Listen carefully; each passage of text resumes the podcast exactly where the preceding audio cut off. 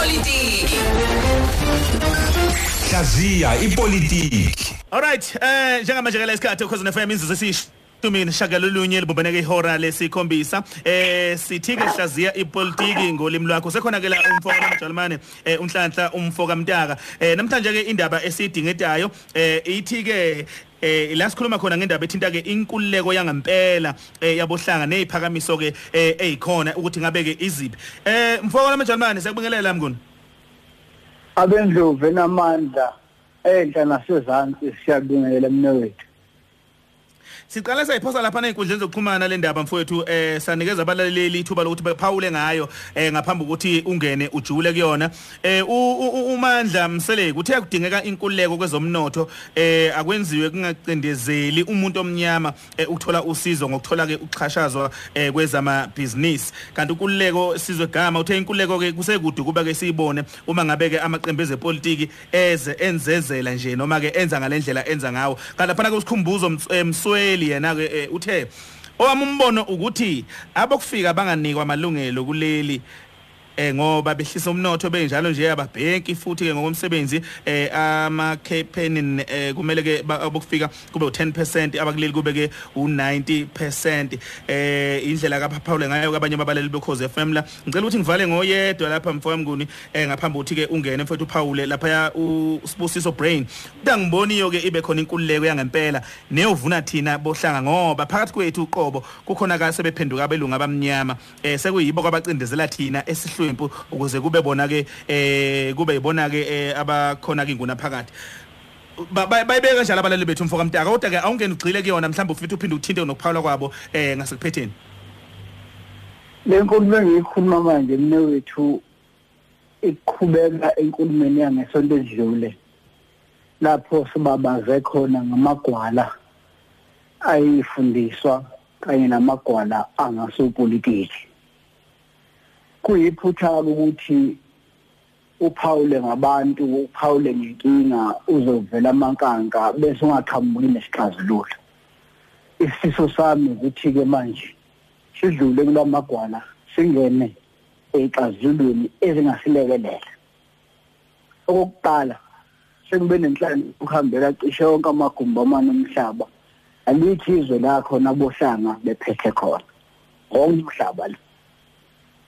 Ngamafuphi abohlanga ibona kuphela abangayikhulula ngoba wonke amazwe lapha akukho la izwe ngayangafika kulona kwathiwa baphethe ngokuphelele. Ngisho bebaningi abaphethe ngokuphelele babanjwe ngamakhwahla abanye abantu abangekho la bekhona bona. Lapha ke eNingizimu Afrika iphutha lethu nesono sono sethu ukuthi umlando wasenza sakhululeka egcineni wasinika ithuba lokuthi siwahambele yonke lamazwe bona abaholi engikhuluma ngabo babe sekudingisweni babona amaphutha abanye kodwa ubuphukuphuku bethu ukuthi asifundanga lutho kunawo maphutha. Nako kumele ngibone ukuthi kufuneke kwenziwe. Okuqala ngasehlangothini lokwenziwa ma-Afrika mina bohlanga yazini ukuthi impi ayikho ngalesizukulwane? Thina sesehluliwe abafo basebenza izizukulwane ezizayo. Ngamafuphi inhlelo zethu ayingagcini kakhulu kithi thina asenze umnikelo ngoba umlando wezomnotho uthi inunu uma isifuna ukugadla kuwe ayihleleli ukudla wena ngoba usuke uvese ungasekho. Idla izizukulwane ezimbili ezintathu ezayo ngoba ilazayo zilapho manje njoba silokukhuluma sixabana nje sicabanga ukuthi lento ingathi ayikho ngathi ngabazukulu bethu abazophenduka igcila isizukulwane esizayo sisenkingeni kufuneke senze okuthize thina umnikelo walesi sizukulwane sabohlanga. Kanjani na? Bokuqala osopolitiki bethu ake babe nesibindi sokubheka udaba lomthetho sisekelo waseNingizimu Afrika. Ukuthi uyabamela yena bohlanga nokusaba ukuthi eminyakeni eyishumi isikhalo siyobe sisetshenziswa ukuthi singaphakani kuzobe kuwumthetho sisekelo waseNingizimu Afrika. Sengiwufunde angazi kangaki ngiyabona hayi ikhona la izobhajwa khona. Ngoba ke ngiyabazi ba magwala ngiphakamisa ukuthi abohlanga benze lokho engikubiza mina ukuthi uhlaka oluyinkundla mshikashika ngesilungu social movement. Futhi uhlaka lolu oluhlanganisa abohlanga bazo zonke izinhlangano kungakhathaleki ukuthi uvela kiphi inhlangano. Lolu hlaka lenkundla mshikashika lube nabameli abazokwazi ukuthi babe nesibindi sokubhekana nezindaba ezithinta bohlanga. Kuzothi omnyayi bakhona nje inhlangano umntakazo somabhizinisi abathi bamnyama. Into engekho leyo bayikhulumela imali yabo la ngoba uze kubake bathini ngomlazi nomasho la bevela khona basho ukuthi bayikhulumela imali yabo. Khuluma mina ngenhlangano ezongabi namahloni ezosimela sonke wonke amaqembu noma ngabe u-ANC i-IFP i-EFF i-PAC musu ukhathele eParliament uya kwenu lenhlangano izoba yikwethu sonke ibe inkundla mshikashika imele izinto zethu. Ayenzile inhlangano amabhunu i-Afri Forum inkundla mshikashika yamabhunu. Kunabameli eh kunamaphoyisa kunayo yonke into ebheke nje izinto zabohlanga siyayidinga leyo nto. Singaxhaswa umuntu singafuni imali kahulumeni. Nangasabohlanga bafake nishiye i-cent noma ishumi umuntu emunye singaba khona isikhwama esizobhekelela izinto zabohlanga sibe inkundla mshikashika njengoba ngishilo nje. Singachimi namuntu kube yikwethu sonke. Kulolu hlaka kufuna kube khona abantu abazokhuluma udaba epolitiki yezomnotho bese thina ngithe isitha sidli thina sizodla ingane zethu.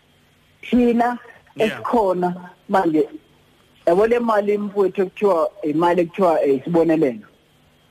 Asiphoxeni uhulumeni ukuthi wonke umuntu othola imali ohlanga amabhunu enza njalo uma efuna ukuthuthukisa amabhunu awo angamile kahle abafaka kojantshi kwaloliwe. Thina sithatheni uhulumeni akashintshe le mali athi wonke umuntu ofuna le mali kuphoqelekile ukuthi ayothola ikhono eTVET College yangakubo. Ngamafuphi uma ungayanga eTVET College uyakwazi ukuthola icertificate noma idiploma enyangeni ezinhlanu noma ezintathu uma ungayanga ku-TVET awusayitholi le mali. Ngiyazi ukuthi abanye bazothi bayanishwa yingoba eminyakeni eyishumi sizobe sinezizukulwane esingenawo amakhono amabhunu namangisi namandiya athuthukisa izizukulwane zawo ngamakhono. Thina kwenzeki lutho. Uhulumeni akwenze kube impoqo noma sicele thina ukuthi thina bo 3 bani no 800 kule mali sicela ukuthi usinike amakhono kuma TVET angakithi ngoba uma sike saba nabantu abayisigidi bokwangobe abanamakhono kuyobe sekuyisiqalo hayi thina isitha sinendaba nathi ningaze niqabane nodwa. Nithi thina omntaka otshata cha isitha sesisinqobile thina. Sekufuneka manje siqhamuke namacebo okulungisa ulungisela izingane zethu ngoba izona inoni efuna ukuyigwinya kodwa into ezoba impendulo inhlangano eyinkundla mshikashika eyikwethu sonke. Uqedile ngethole eh mnguni uqedile ngethole mfowethu eh kuzwakele kakhulu iphakamiso cishe ezinhle ngendlela mangasawo lezi. Eh siyabonga kakhulu sifisela usuku oluhle mfowethu. Sithonga Ungamthola ke uNhlanhla mfoka Mtaka lapha ku Facebook eh khasini Bayede News. Kanti lapha ku Twitter @nhlanhla Mtaka.